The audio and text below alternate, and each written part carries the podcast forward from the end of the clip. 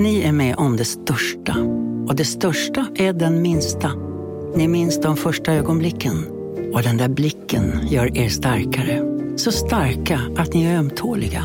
Men hittar trygghet i Sveriges populäraste barnförsäkring. Trygg Hansa. Trygghet för livet. Det här är Sydsvenskan.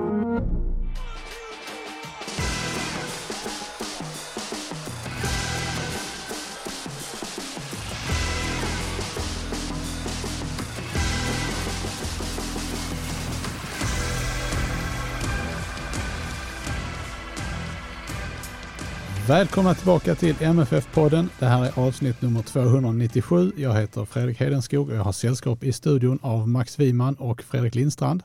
Hej på er! God dag, god dag. Hallå! Vi närmar oss eh, det 300 avsnittet. Hur känns det? Jag kanske ska spara den frågan till vi gör det 300 avsnittet istället. Ja, det kan vara bäst. Men det har blivit många stycken. Vi drog igång precis efter 2014 Champions League-kvalet har jag för mig. Jag skulle säga det, alltså, räknar man i tid så är det mer imponerande än, liksom, det är klart siffran 300 är, är väldigt mycket men, men åtta år är, det är en lång tid. Ja. ja, för 300 avsnitt på åtta år är kanske inte jätteimponerande egentligen. alltså Men- vi gör ju annat också. Ja, jo, Det ska jo. man komma ihåg. Men det är fantastiskt roligt att vi fortfarande ser respons och stort engagemang. Och det är faktiskt fortfarande ganska ofta eh, folk kommer fram på stan och säger liksom tack för podden och att ni den är sällskap på vägen till jobbet och hemma när, när man är sjuk och jag vet inte allt. Det är väl det som till och med har sagt på jobbet fast det kanske man inte ska säga högt. Ja, det kan du göra. Om du inte säger vilka det är som har sagt det så gör det väl ingenting. Um, nu det, vi kanske ska passa på, nu när cirkeln är sluten med Hareide tillbaka så kanske det lika bra att stänga ner. Ja, precis. Tiden, ja, det blir aldrig bättre läge än nu. Vi kör vidare, det lovar vi redan nu. Ja. Eh, idag så ska vi om en stund ge oss på att jämföra Åge Hareides MFF 2022 med Ove Rösslers MFF 2018. Det känns relevant eftersom det ändå är så stora likheter eh, mellan eh, de båda tränarnas uppdrag så att säga. Men först så ska vi ägna oss åt lite eh, nyhetsrapportering och i, i den mån det finns någon sån. Och eh, gå igenom den eh, svettiga månad som kommer bli väldigt avgörande för hur Malmö FF och dess supportrar kommer att minnas det här året. Fredrik, du var på träningen igår. Eh, Hur är läget i laget? Ja, det var påfallande mycket folk på plats. Eh, Det var väl tre stycken skrev jag i texten, men sen kom jag på senare att jag faktiskt glömde att nämna Viktor Andersson, tredje målvakten.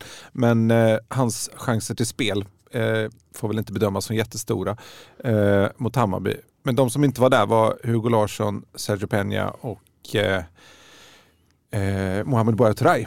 Och där var det ju varit landslagsuppehåll på alla eh, dem. Bouyatray har spelat med Sierra Leone som fick stryk mot både eh, Sydafrika och Kongo. Demokratiska republiken Kongo. Eh, och eh, Peña, ska vi se om jag inte ser, han fick hoppa in mot Mexiko men spelade inte mot El Salvador och där tror jag jag eh, hörde ryktesvägen att det var någon slags känning. Eh, han landade inte i Sverige förrän imorgon eftermiddag så vi hinner inte Han fråga honom inför matchen. Brukar komma tillbaka med känning. Jag skulle säga det, att- det är alltid känningar när Det är en klassiker. Han, hade, han åkte väl han åkte ju dit frisk i alla fall. Eh, och eh, åkte ju också dit eh, och berättade Sur. för pressen på plats att han eh, ja, inte trivdes. Och det är ju också ett rykte som har hängt med honom ett tag, även om han förnekade det kraftigt och att han ska ha bett klubben om att få lämna och så. Men ja, det är väl klart att en, en spelare med hans tyngd inte är nöjd med att, med att inte få hoppa in de två senaste 90 minuterna. Men eh, detta hinner vi inte fråga honom inför matchen. Eh, för han landar som sagt eh, imorgon eftermiddag efter pressträff. Han hade väl en ganska tydlig hälsning på Instagram också själv. Eh, när Ja, han det, åkte ja. iväg från, från Köpenhamn där han man förstod att han såg fram emot mer var han skulle hän än där han åkte ifrån. Och det jag tycker det är fruktansvärt tråkigt. Jag tycker det är en fantastiskt duktig spelare. Men när, när det börjar bli så här då känns det ju som att det är, är tämligen kört. Och jag tror inte att han kommer att spela så mycket i höst då. Och framförallt så lär han ju inte spela mot Hammarby om han inte har tränat överhuvudtaget. Alltså om man eh, fortsätter på den diskussionen så när eh, Åge Hareide var här senast vi spelade in. Eh, om ni inte har lyssnat på det avsnittet så kan jag varmt rekommendera det. Eh, Hareide medgav ju utan omsvep att de spelarna som han inte känner eller eh, ännu eh, kanske inte ens känner till särskilt bra, de har ju en uppförsbacke eh, i det här tidspressade läget. Det finns liksom inte tid att lära, att lära känna dem. Eh, han sa ju också mer eller mindre rakt ut att han hellre har ett lag med spelare som är skolade i, i nordisk fotboll. Eh, antingen genom eh, lång tid här eller genom sin, sin uppväxt. Eh, och man lägger ihop alla de här sakerna eh, och dessutom då lägger till att eh, både Peña och Buya Turay då har varit iväg under den här perioden som ändå har varit MFFs, eller Hareides första möjlighet att ha ordentlig träningstid med laget. Så känns det ju verkligen inte som att de liksom går mot någon utökad speltid. Mm. Ja, därför är jag lite överraskad att de ändå har fått så mycket ledigt som de har fått. Men man vet inte, det kanske man behöver koppla av mentalt också. Det har varit mycket matcher hela tiden. Å andra sidan, det är ju inget de är ovana vid.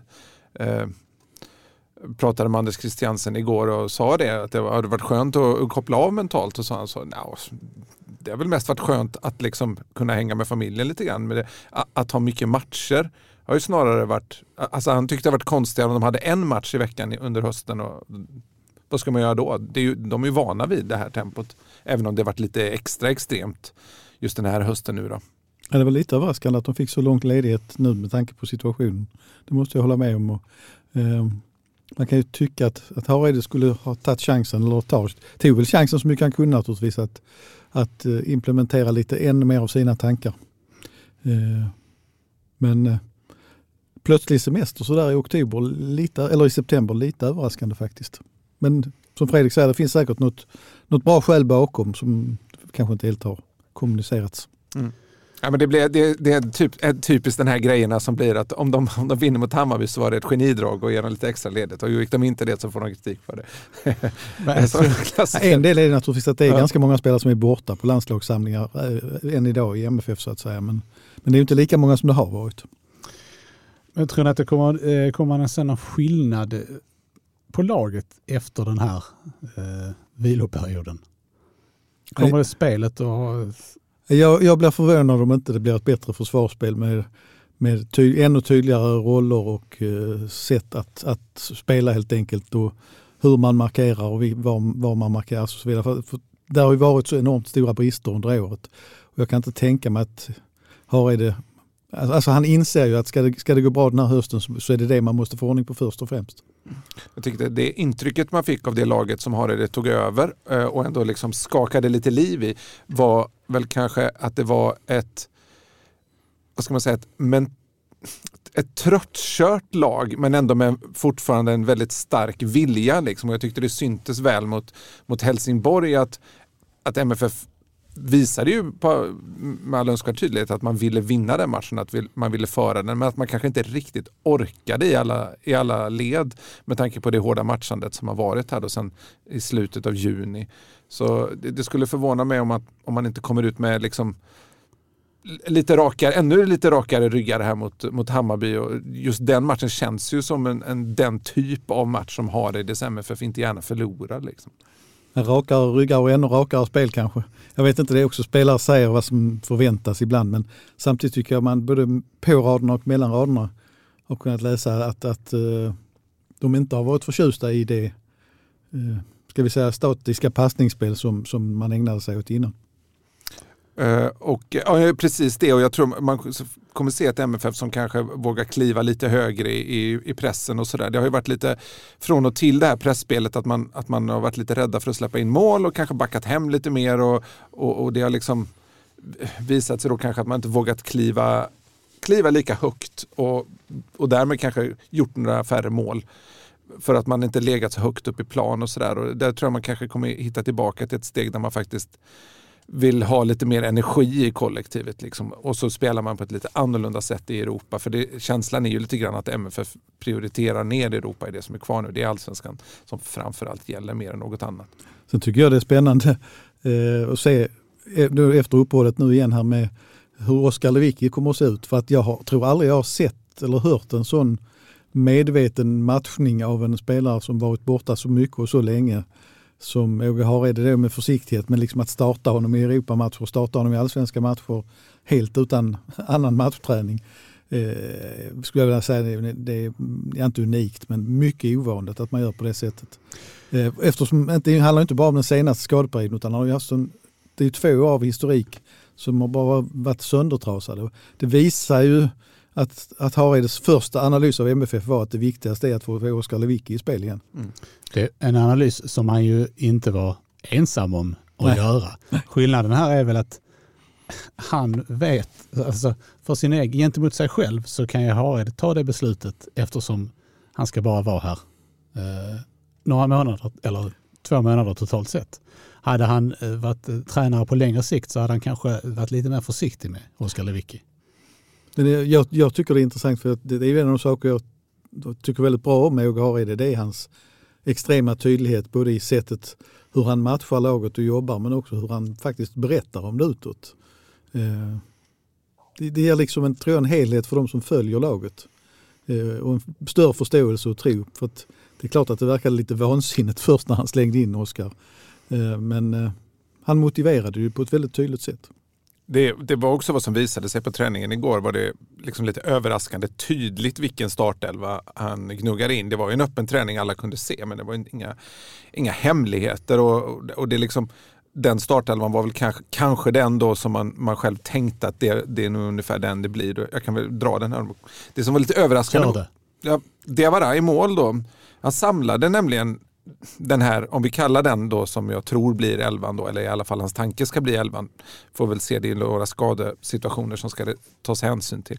Men i alla fall, då, han samlade dem i en ring eh, och, och, pratade med dem eh, innan liksom det här eh, taktiska spelövningen på lite större plan. Då. Och då var det Diawara i mål och så var det en backlinje från höger med Ceesay och Hadzikadunic, Nielsen och eh, Knutsen. Och sen så var det tremanna mittfält där Lewicki var sexan då och så var det AC till höger och eh, lite skrällartat Sören Rex till vänster.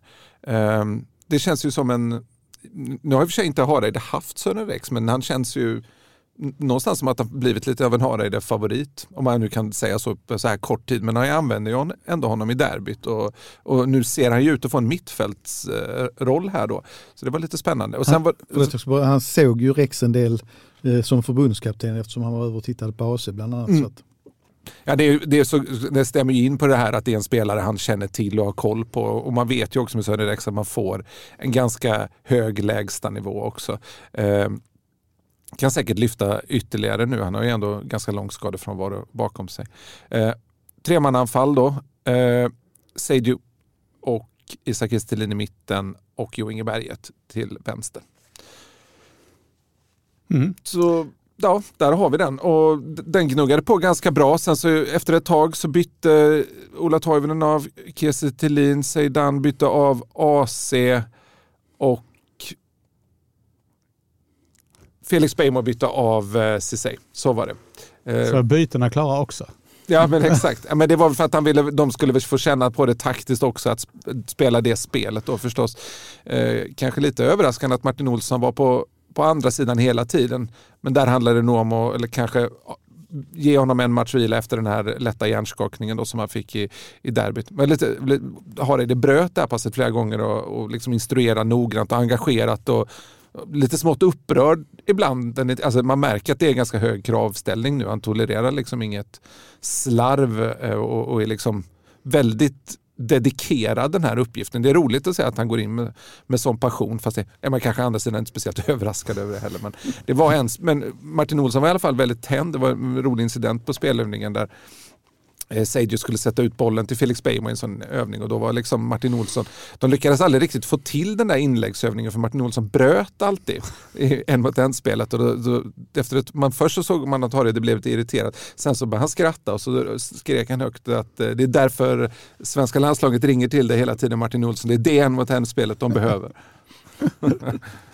ja, de eh, behöver mycket, svenska landslaget. precis. Kan man konstatera. Mm. Jag som älskar Lilleputtnationen, jag tycker det är jätteroligt att landslaget ska spela i den divisionen nästa gång.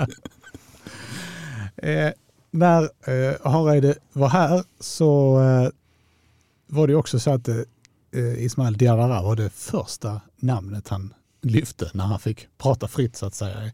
Max, är du överraskad över hans ställningstagande i målvaktsfrågan? För det går ju lite emot hans övriga... Liksom, ja, det gör ju eh, faktiskt det. Ja, jag, lite över, eh, jag har tänkt en del på det. Jag är, jag är överraskad. Jag vet inte om det finns något mer bakom, alltså vad det gäller Dalins fysiska status, för den har ju varit ojämn.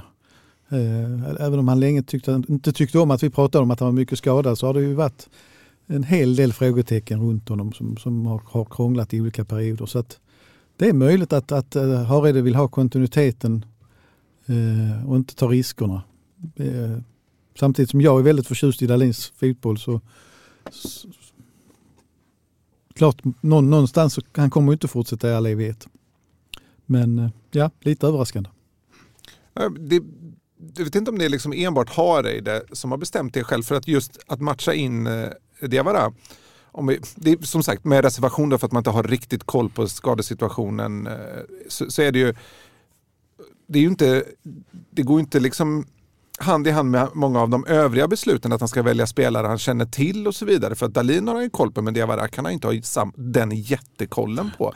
Eh, delvis för att han kanske inte har följt Degerfors då. Men också för att Diawara inte har ju knappt spelat i MFF så det är ju svårt att ha den kollen på honom. Och där undrar man ju om det kanske finns någon slags direktiv från högre upp att det här, vi vill att vi matchar in honom i, i en större utsträckning i höst. Antingen att, de, att Dalin står i Europa och Diawara fortsätter i allsvenskan eller om de kör varannan match eller vad det kan vara. Men just för att man vet kanske att Dalin inte har en evig livslängd som målvakt i Malmö FF och, och Diawara har ett eh, kontrakt som går ut i vinter. Det finns en op option på ett år till men där ska ju båda komma överens om en förlängning i sådana fall. Och då kanske man vill skicka en signal till Diawara att du, du är inte långt borta från att ha den här första första spaden höll jag på att säga, men det har man inte när man står i mål i fotboll, som tur Sen kan man ju säga att eh, Hareide har ju en, en, eh, en, eh, lite speciell eh, position där just gentemot äldre spelare. Jag tänker på Dalin men även på Ola Toivonen kanske även Martin Olsson som nämner honom nu, att han har ju på något sätt lättare att ställa över dem eftersom även de vet att han bara är en kort period. Så att även om Eh, Toivonen inte har bestämt sig nu, MFF inte har bestämt sig om en fortsättning så finns ju den möjligheten där och då, då, de, de här äldre spelarna är ju ändå så kloka så att de vet att möjligheten finns nästa år i så fall. Eh, det hade nog varit tuffare om Hareide haft kontrakt nästa år också och bänka de här stjärnorna kanske. Jag vet inte.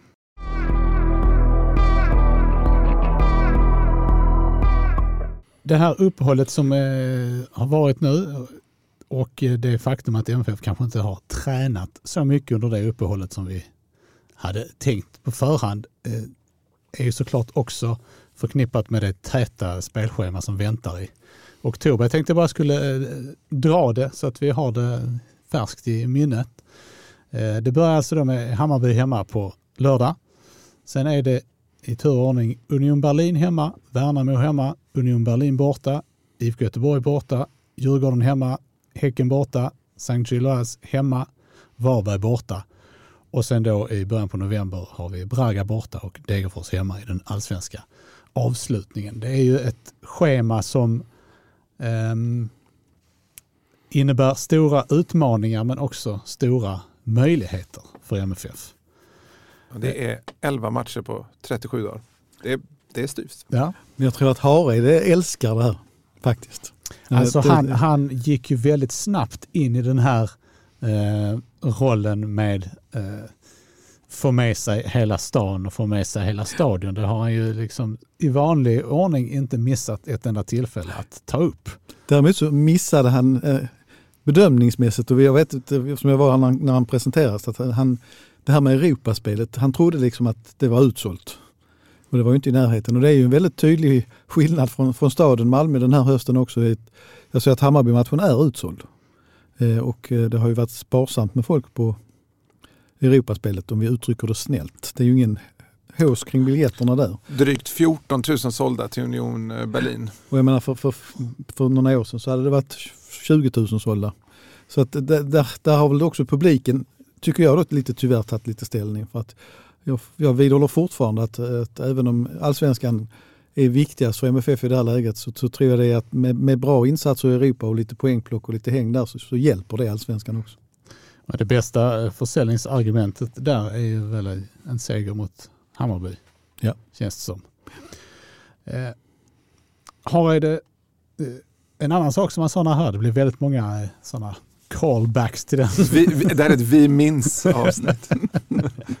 det blir gärna det när man har träffat Åge Hareide. Ja. Nej, men en annan sak som man sa var ju att matchen mot Hammarby är årets hittills viktigaste. Och nu ska jag ställa en fråga på ett sätt som jag egentligen inte tycker om eftersom den inte ger utrymme för öppna svar. Men ändå, hur rätt har han i det påståendet? Ja, alltså det kunde, varje match är ju den viktigaste. Alla matcher. Du vet väl att nästa match är alltid ja. den viktigaste? Ja, Uh, men... Förlåt avbrott. nej, men det, det, ja, nej, det får man väl säga. Så är det ju. Det, alltså, man får inte glömma det att om MFF förlorar den matchen, då är man ju tillbaka i ungefär samma läge som man var när Roger Hareide tog över. Eh, efter den där eh, tunga förlusten borta mot Elfsborg då allt kändes kris. Liksom. Det, alltså, då, det, det, är en poäng mindre upp då till tredjeplatsen men det, man kan ju också, bli, får ju också, kan ju också få se Kalmar och IFK Göteborg hoppa förbi igen och, AIK hoppa förbi igen. Och, så att det, det, det, kan ju svänga rätt fort om det, det går fel. Omvänt, omvänt då så är de ju uppe på tredje plats om de vinner. Jag ser alltid glaset som halvtomt. ja, det finns väl mycket symbolvärde i hela det här liksom att om Hareide kan ta ännu en, vad blir det, tredje rak seger i allsvenskan så är det jättebetydelsefullt. Eh, och naturligtvis kan man jaga ikapp Hammarby genom att vinna mot dem så är det betydelsefullt. Fulla läktare eh, är också en indikation på liksom att någon sorts framtidstro på oktober månad i allsvenskan. Det, det, det är klart att på det sättet så är det eh, nog den viktigaste allsvenska matchen så här långt. Mm. Och Det är också den typen av match som jag var inne på förut som det känns som att MFF gillar att spela. Liksom, och bruk, brukar oftast inte förlora de matcherna. Det har varit några gånger som det har liksom, Djurgården hemma 2019, samma år då som de vann guld, så var det en sån, när de förlorade med 1-0, där Buya Turay gjorde målet för övrigt. Och, då var det så långt kvar av säsongen så att det var liksom, ingen som kanske kände att den där matchen just då var vinstkrav på och, och när, när liksom avgörandet kom så var det ju ja, det var ju oerhört långt inne det satt i sista omgången 2019. Där, så det var liksom inget guld som försvann just där. Men här kan man ju nästan säga att en tredjeplats kan gå upp i rök om de förlorar vill säga. Då. Rosenberg missade väl straff i den matchen också? Djurgården, om jag minns rätt. Så var det nog ja. Eh, det, det kan jag säga vilken MFF som helst så har man ändå en eh, åtminstone 50% chans att ha rätt när man säger så. Ja, framförallt den säsongen. ja. um, väderleksrapporterna för lördag eftermiddag just nu talar om en, en del vind och regn. Det här är Max expertisområde. Ja, jag vill ju då... Eh... Du Hedenskog golfspelare, han brukar ha koll. ja. ehm, och det tänker jag att det kan ju inte vara till MFFs nackdel i det här läget med tanke på motståndet. Och jag skickar passning både till SMHI och DMI att så fel som de har haft den här sommaren så Nej, de hade en period när det var, det var ju fint väder hela tiden, men de har faktiskt haft rätt mycket fel. Ja, men de kör ju alltid ett kryss två, SMH ja. tycker jag. Det är liksom, om man tittar i appen så är det moln och det är sol och det är regn. Och så, ja. så blir det något, det något, något, av det. Liksom. Igår varnade de ju för oerhörda regnmängder. Och det kom ingenting hemma hos oss i alla fall. Inte förrän möjligtvis sent på kvällen. Eh, men det, men det, det som talar grund, för MFF grund, är ju underläget, eller underläget, underlaget. underlaget alltså det, ja. att matchen spelas på gräs. Ja. Eh, Hammarby, MFF har besegrat Hammarby i varje match på stadion. Eh, så att det, historiken talar för, att, eh, för det. Och det, det är också, MFF eh, slog dem i cupfinalen och när det var ungefär ett liknande race som detta 2018 så så, så vann MFF en, en, avgörande match här på, på stadion mot, eh, mot Hammarby också. Så det finns ett mentalt överläge där. Att Hammarby och, och sen hela historiken av att Hammarby sällan brukar lyckas med det de tar sig an. Liksom. Så det, den finns ju där. Det är ju, de vet ju det när de åker. Det är ju stressande för dem. Och, och liksom, de har ju siktat mot guldet och ändå haft ganska bra häng på, på första platsen hela säsongen. Och typ, typ, de har, har liksom lett ett tag nu riskerar man liksom att missa Europa också. Och så har man tappat cupguld innan det. Och, ja, det, det är jobbigt.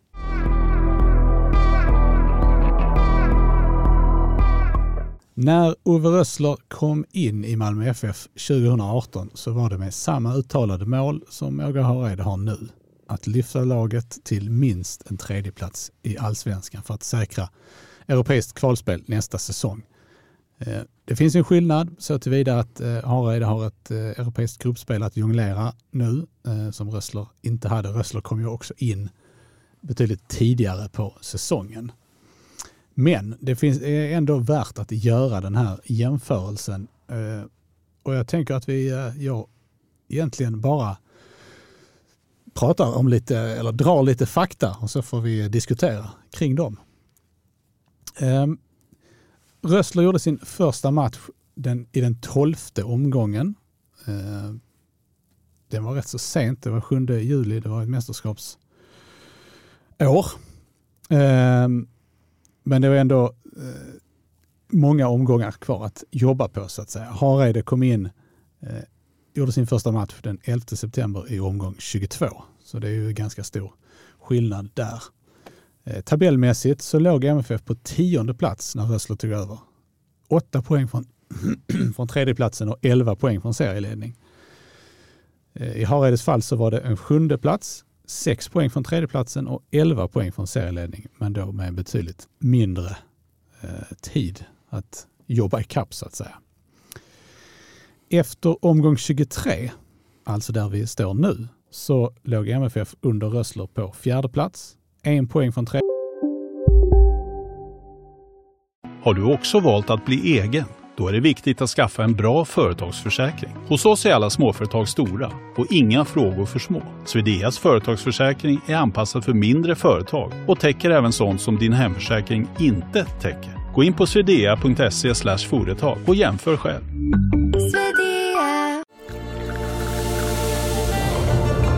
Välkommen till Maccafé på utvalda McDonalds restauranger med Baristakaffe till rimligt pris. Vad sägs om en latte eller cappuccino för bara 35 kronor? Alltid gjorda av våra utbildade baristor.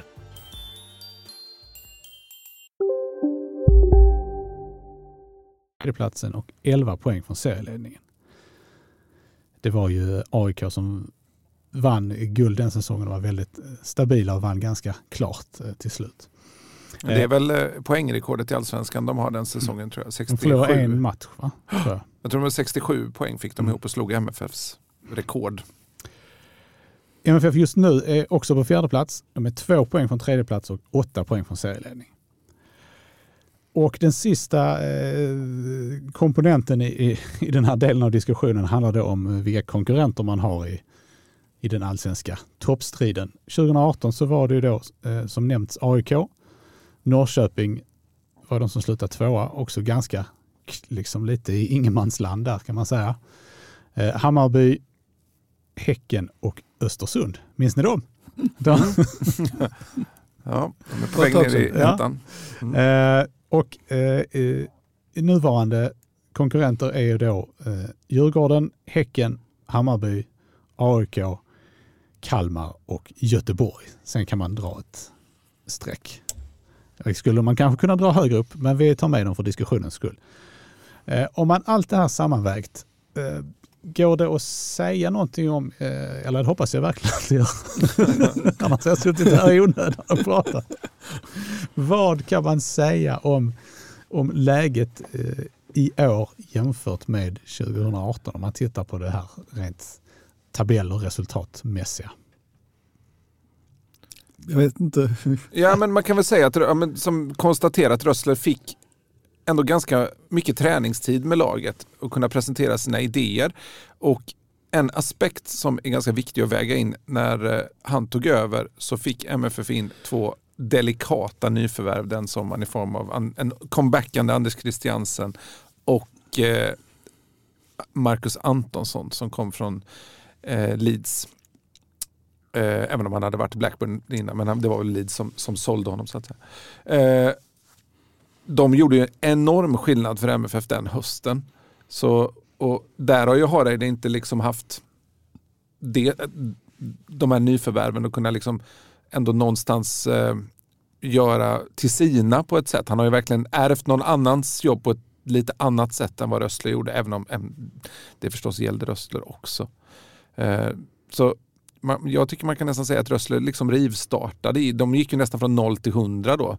Eh, var ju riktigt under isen eh, i början och sen också lite virvar där när Daniel Andersson tog över. Man såg väl en viss förbättring men det kändes ändå som att de var så mentalt slutkörda liksom, så att de orkade inte riktigt resa sig. Och sen det här uppehållet då som ändå gjorde, det ändå gav någon arbetsro. Rössle kunde liksom eh, träna in vad han behövde träna in och, och liksom förklara sin idé på ett tydligare sätt. Och, jag menar, Hareide hade ju match, vad var det, två dagar efter att han presenterades. Det, det, det gör rätt stor skillnad och det är först nu egentligen då han har hunnit ja, kanske börja vrida lite på detaljer och, och, och sådana saker. Och, just att man kommer in senare i säsongen med att självförtroendet har hunnit bli lite sämre. Och, ja, mycket sådana saker som det liksom har gått lite längre än vad man vill göra det när man tar över så sent. Jag tror att väldigt mycket handlar om energi. Och eh, jag vet, jämförelsen haltar lite grann, det gör den. Men, men när man tittar, Ove Rössler kom efter eh, Magnus Persson som eh, inte var den där karismatiske tränaren som spred jättemycket energi omkring sig. I alla fall utifrån sett. Han hade andra egenskaper som, som var viktiga och alla människor är olika och alla tränare är olika. Men, men Rössler kom ju in med en makalös energi eh, och en tro på, extrem tro på vad han gjorde som han visade väldigt tydligt och eh, ibland övertydligt. Jag vet att det, han var ju inte de mjukaste nyporna utan det var, det var verkligen en, en väldigt stark energi som jag tror balanseras till viss del av att Markus Rosenberg kunde, kunde liksom tala om för laget att så här är det ute i världen. Eh, nu är det ju så att Andreas Georgsson var ju bara en interimtränare men på något sätt tror jag ändå han satt en prägel under den här perioden. Och han är, var ju, och det är inget illa ment, lite samma typ som Magnus Persson. Det är inte så att det strålar, sprakar, sprudlar runt honom. Eh, utan det, det, man, man, ser det på bänken och man ser det liksom i det. Alltså det är samma sak, han är ju oerhört kunnig på det han gör. Men han har inte den superenergin. Och Åge Hareide kom in med exakt samma. Eh, man ser, alltså, han kastade kavajen, han for fram och tillbaka på bänken under de Braga-matcherna och de följande matcherna. Alltså, det, det, liksom, det slog gnistor om honom och det, det, det är oundvikligt att sånt tar med sig ett lag. Där, där tror jag finns en stor likhet. Jag, jag, tror att han tog upp laget faktiskt ur en ganska djup källare precis som Rössler gjorde där det eh, mentalt inte var särskilt roligt att spela fotboll längre. Eh, och eh, därför kan jag ibland tycka att det här uppehållet kanske kom lite olyckligt för att han har ju fått starta om igen och kanske då i lite mer makligt tempo eller vad man ska säga. Men därför tror jag det är väldigt bra att det är Hammarby som kommer nu så det inte är eh, Varberg hemma eller någon, alltså någon mer vardaglig match. Men jag tror att den här likheten eh, med säsongerna och med eh, tränarnas sätt att vara och den, den utstrålning de har tror jag är, kan tala för att MFF kan göra en bra höst. Eh, jag tror att man mycket väl kan nå tredjeplatsen. Eh, jag är tyvärr, tror jag inte folk förstod hur, jag har sagt tidigare, svår lottningen var i Europa League. Och att det är lite trist om man liksom ger upp den. Så, eh, för jag tror också att den, den skulle kunna hjälpa till i allsvenskan. Men ja, jag tror energin är, en, är någonting som kan göra den här hösten lik den 2018. Det är lite fascinerande egentligen. Det är inte ofta man ser ett, eh, ett topplag göra sig av med en tränare. Eh, liksom när man trots allt rent statistiskt har häng på, på en, på en topp top, eh, tre-placering. Alltså, det är ju den typen av aktioner man kanske ser ett bottenlag göra. Vi behöver en skjuts nu inför det här så att vi klarar kontraktet. Liksom. Men det här är ju MFFs klara kontraktet version, får man ska säga, eh, när man gör så här. Men det, det som jag, jag, jag var inne på det för tidigare också, att Rösslers MFF rivstartade ju. Vad var det de vann? Sju av de åtta första matcherna tror jag under Rössler, eller om det gick ännu längre än de så. vann ju, eh, ska vi se här, de vann nio av de tio första. Så var det, var ännu bättre än vad jag minns. Eh, men det man, det man eh, ska säga det bara där dock att eh, de hade ju, det är de här åtta raka vinsterna som är liksom något sätt minnesbilden av den här hösten. Men det var ju, de vann ju första matchen borta mot Sirius, klart. Sen spelade de 1-1 hemma mot Östersund.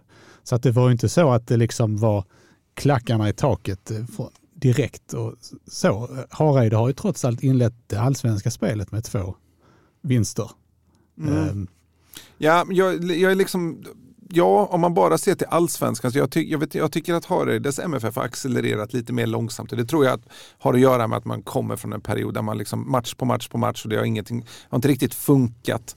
Man har inte riktigt vetat vad man ska göra. Alltså, om man tittar på de här matcherna så är det alltså två ganska svettiga allsvenska uddamålssegrar. Båda har suttit långt inne och de har kommit mot bottenlag.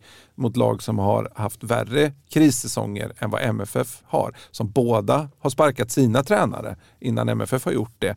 Och Sen har man två Europamatcher som förvisso målmässigt ganska jämna.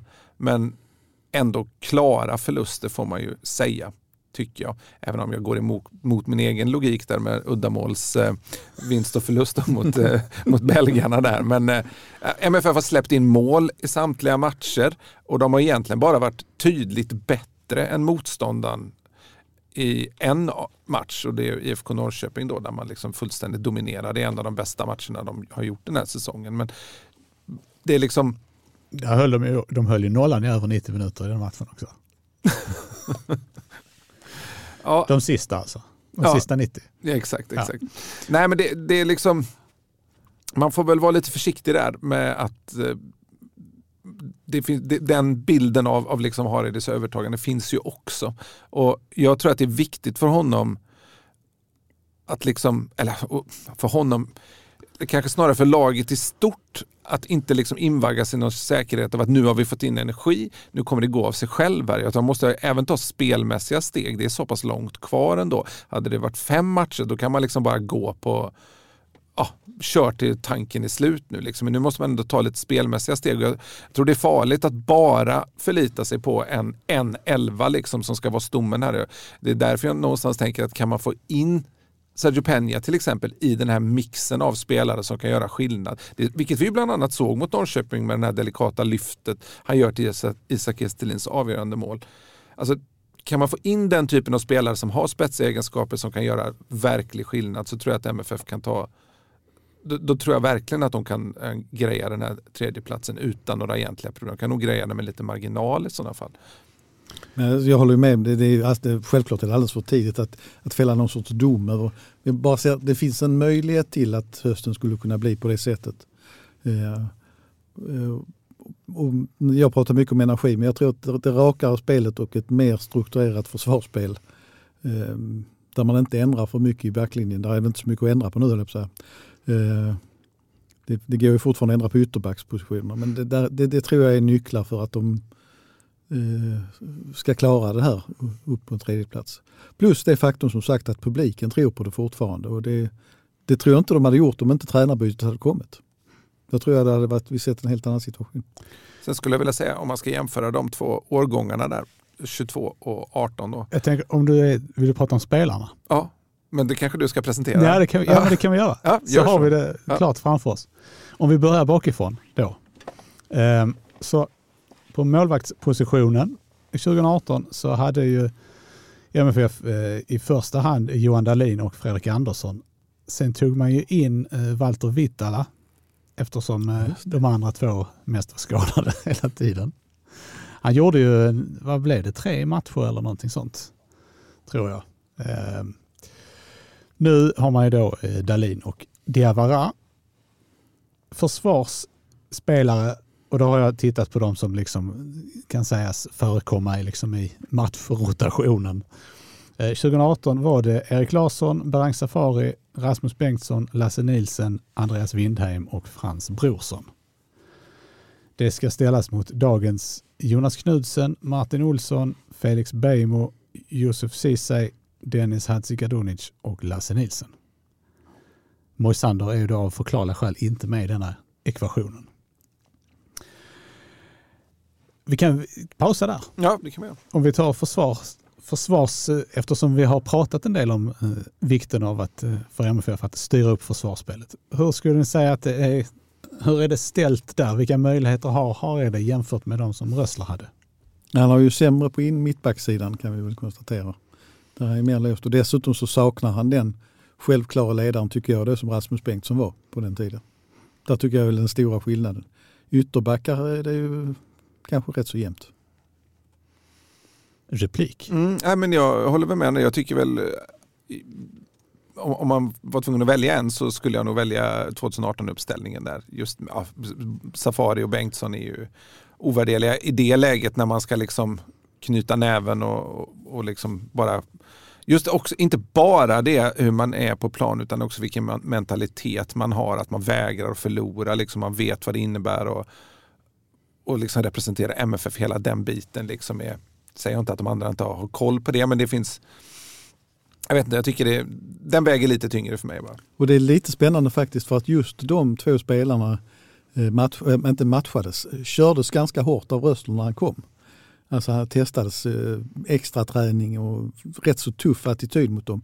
Men jag tror inte att det var av någon sorts elakhet utan det var för att han insåg hur viktiga de var. Att de, eh, de fick inte lov att känna efter och vara småskadade utan de skulle spela. På mittfältet 2018 så fanns följande. Sören Rex, Oskar Lewicki, Fouad Bachirou, Arno Traustason, Anders Christiansen, Romain Gall och Bonke Innocent. Romain Gall finns alltid. Ja, han spelade ju faktiskt en del då. Därför så eh, fick, finns han med här. Han är... Men nu sa, sa du Fouad Bachirou nu? Ja, ja gjorde jag. eh, Romain Gall är ju då inte med i mittfältssammansättningen eh, för 2022. Även om han skulle kunna vara det rent hypotetiskt. Där har vi då Sören Rex, Oskar Lewicki, Erdal Rakip, Sergio Peña, Anders Christiansen, Mustafa Seidan, Hugo Larsson och Patriot Seidio. Enligt gränsfall kanske. Eh, de har ett par sådana spelare, men jag sätter honom där för att det inte ska bli helt snedfördelat. Eh, man skulle kunna sätta Berget där och Seidio i anfallet istället. Vilket ni vill. Det kanske man skulle göra egentligen. Då gör det. spelade ju mycket vinge. Ja. Um, så vad, vad, känner ni, um, vad känner ni där?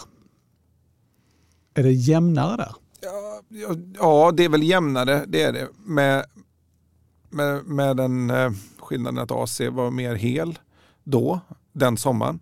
Och eh, att MFF hade en Fouad Bachirou, det har man ju inte nu.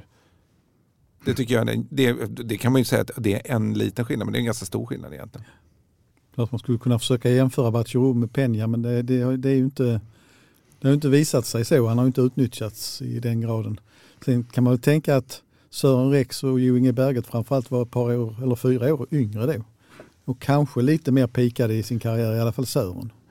Alltså Berget var ju inte här då. Nej, Berget var inte här. Eh, han kom ju Nej, just det, han kom säsongen efter. Ja, just det. Eller Nej, kom men Rex- tillbaka säsongen efter. Rex, var väl kanske lite mer pikad men jag, väldigt jämnt skulle jag vilja säga. Traustason var i väldigt form då också. Han, eh, han och Rex hade ju ett otroligt samarbete. De funkar väldigt bra ihop där. Mm. Traustason gick lite mer centralt och, och Rex slog mer ytter. Och de två gjorde ju väldigt mycket poäng. Eh, och där, det är väl kanske en brist då i året. Att det, är inte, det är ju Sedan då i så fall som, som producerar poäng. Annars har det ju varit sparsamt. Men just eh, Bachirou är ju intressant egentligen. Det känns ju lite som att MFF har varit på jakt efter en Fouad Bachirou sen han lämnade och inte riktigt hittat rätt där.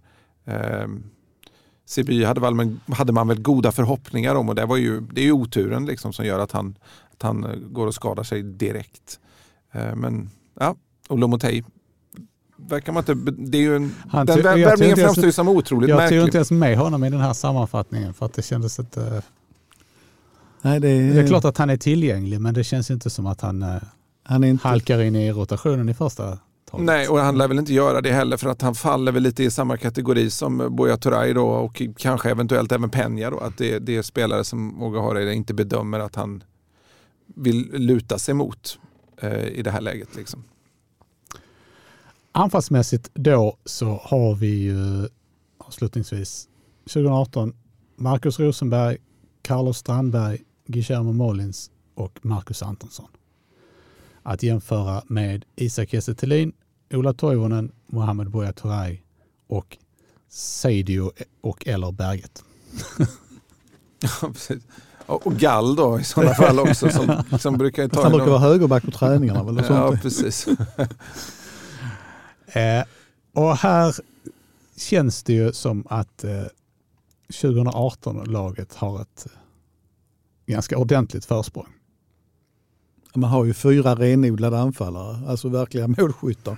Sen Strandberg gjorde väl inte så många människor glada men Alltså, eh, när, sett i det stora hela så kanske det inte var så- men den här hösten 2018 så gjorde han ändå eh, en hel del mål faktiskt. han hade nog ett par matcher där det rasslade till lite grann om jag minns rätt. Han gjorde bland annat båda målen borta mot, när de vann mot Örebro. Alltså de inledde ju med en klar seger borta mot Sirius. Eh, och sen så var det 1-1 hemma hos Öster- Östersund. Och sen så var det ju en tradig jädra bortamatch för Örebro som de vann med 2-1. Där Strandberg gjorde båda målen och det var ju någonstans där som hela det här eh, liksom som de fick fart på under galoscherna. Mm. Men det är ju väldigt tydligt att det är, det är fyra riktiga anfallare och det är ju anfallstyper som jag egentligen gillar så att det, jag skulle ju gärna sett två sådana i dagens uppställning. Mm. Ja, precis. De, de, den sommaren så säljer de väl också Jeremejeff. Jag vet inte om han hinner göra någon, någon Rössle-match innan han skeppas iväg. Jag tror att han gör Ja, någon. det var någon ens, Ja. ja kanske. Och Bara som, som en litet sidostick att två som var i MFF sommaren 2018 är nu allsvenska, allsvenskans skyttekungar med, som tillsammans har gjort 38 mål den här säsongen. Det är Det är bara intressant. värt att sticka in med i alla fall.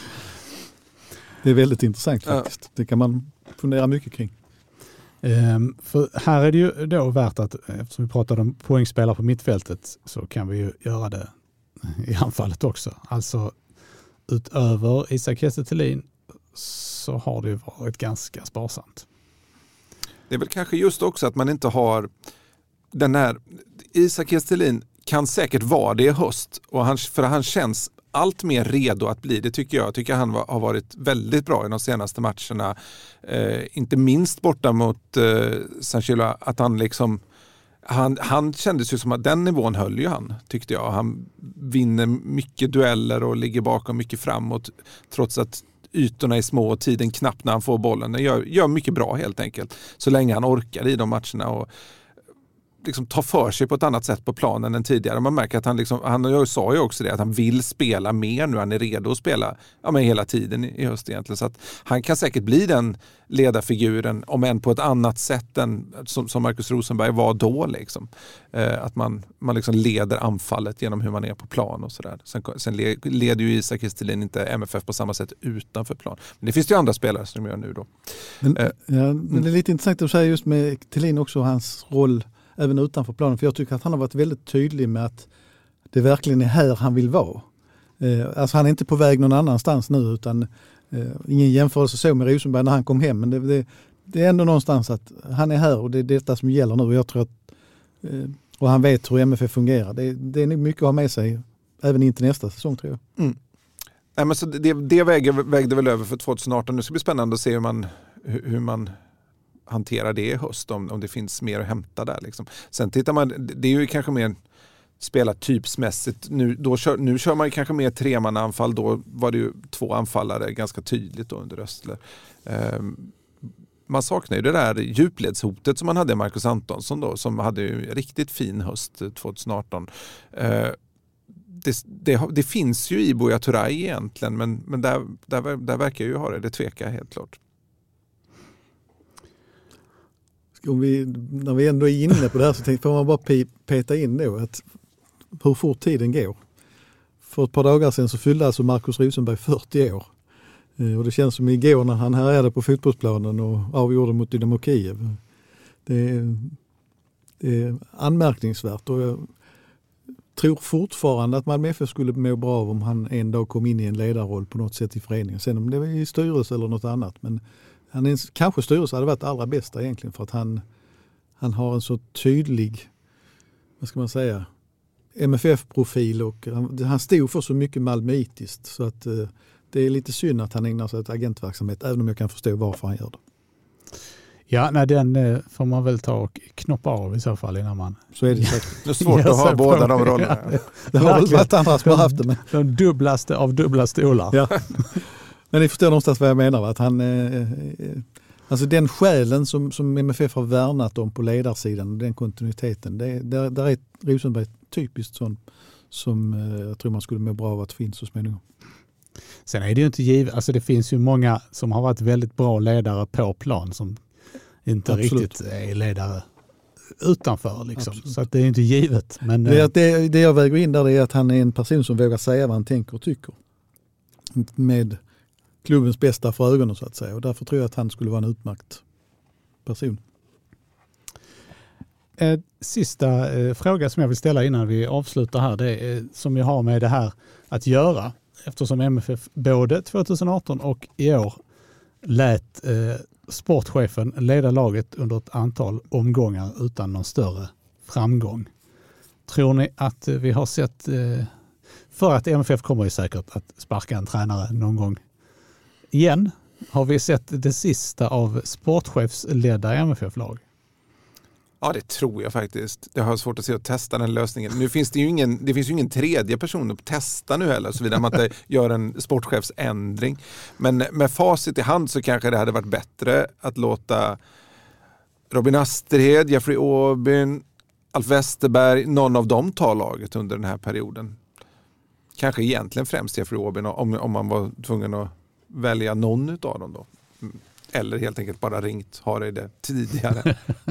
Som jag har sagt innan, jag tror att MFF var en eller två matcher från att bränna Georgsson i båda ändar faktiskt. Att han inte hade kunnat fortsätta överhuvudtaget och det hade ju varit ett tråkigt slut på, på liksom en, någonting som egentligen var en start.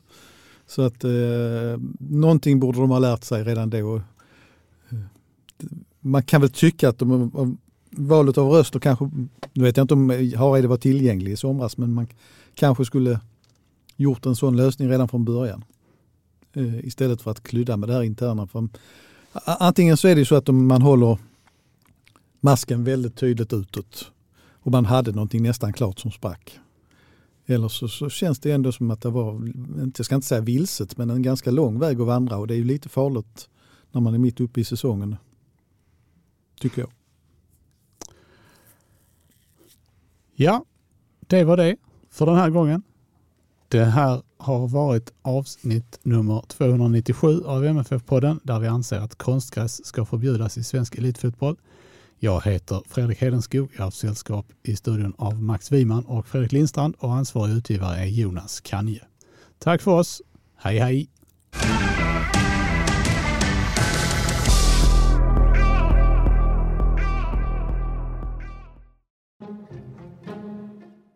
Jättekomplicerad konflikt. Just idag kan man ju förenkla det och säga att det finns, det finns två sidor, två nätverk.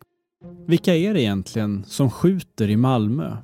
På ena sidan ledaren för Satudara Assassins och hans kompisar. På andra sidan något som slarvigt kan kallas för Kroksbäcksgänget.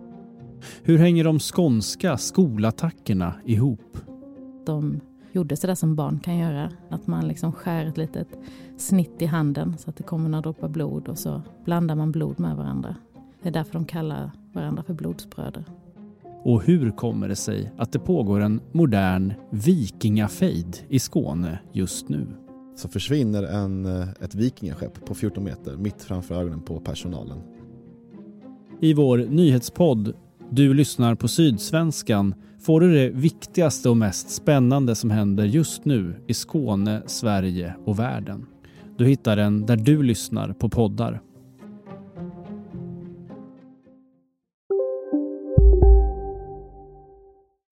Hej Sverige! Apoteket finns här för dig och alla du tycker om. Nu hittar du extra bra pris på massor av produkter hos oss. Allt för att du ska må bra. Välkommen till oss på Apoteket. Njut av Max Selection El Maco med Premium Beef. Vår saftiga och lyxiga burgare av 100% svenskt nötkött och 100% fantastisk smak. För ett ännu godare McDonalds.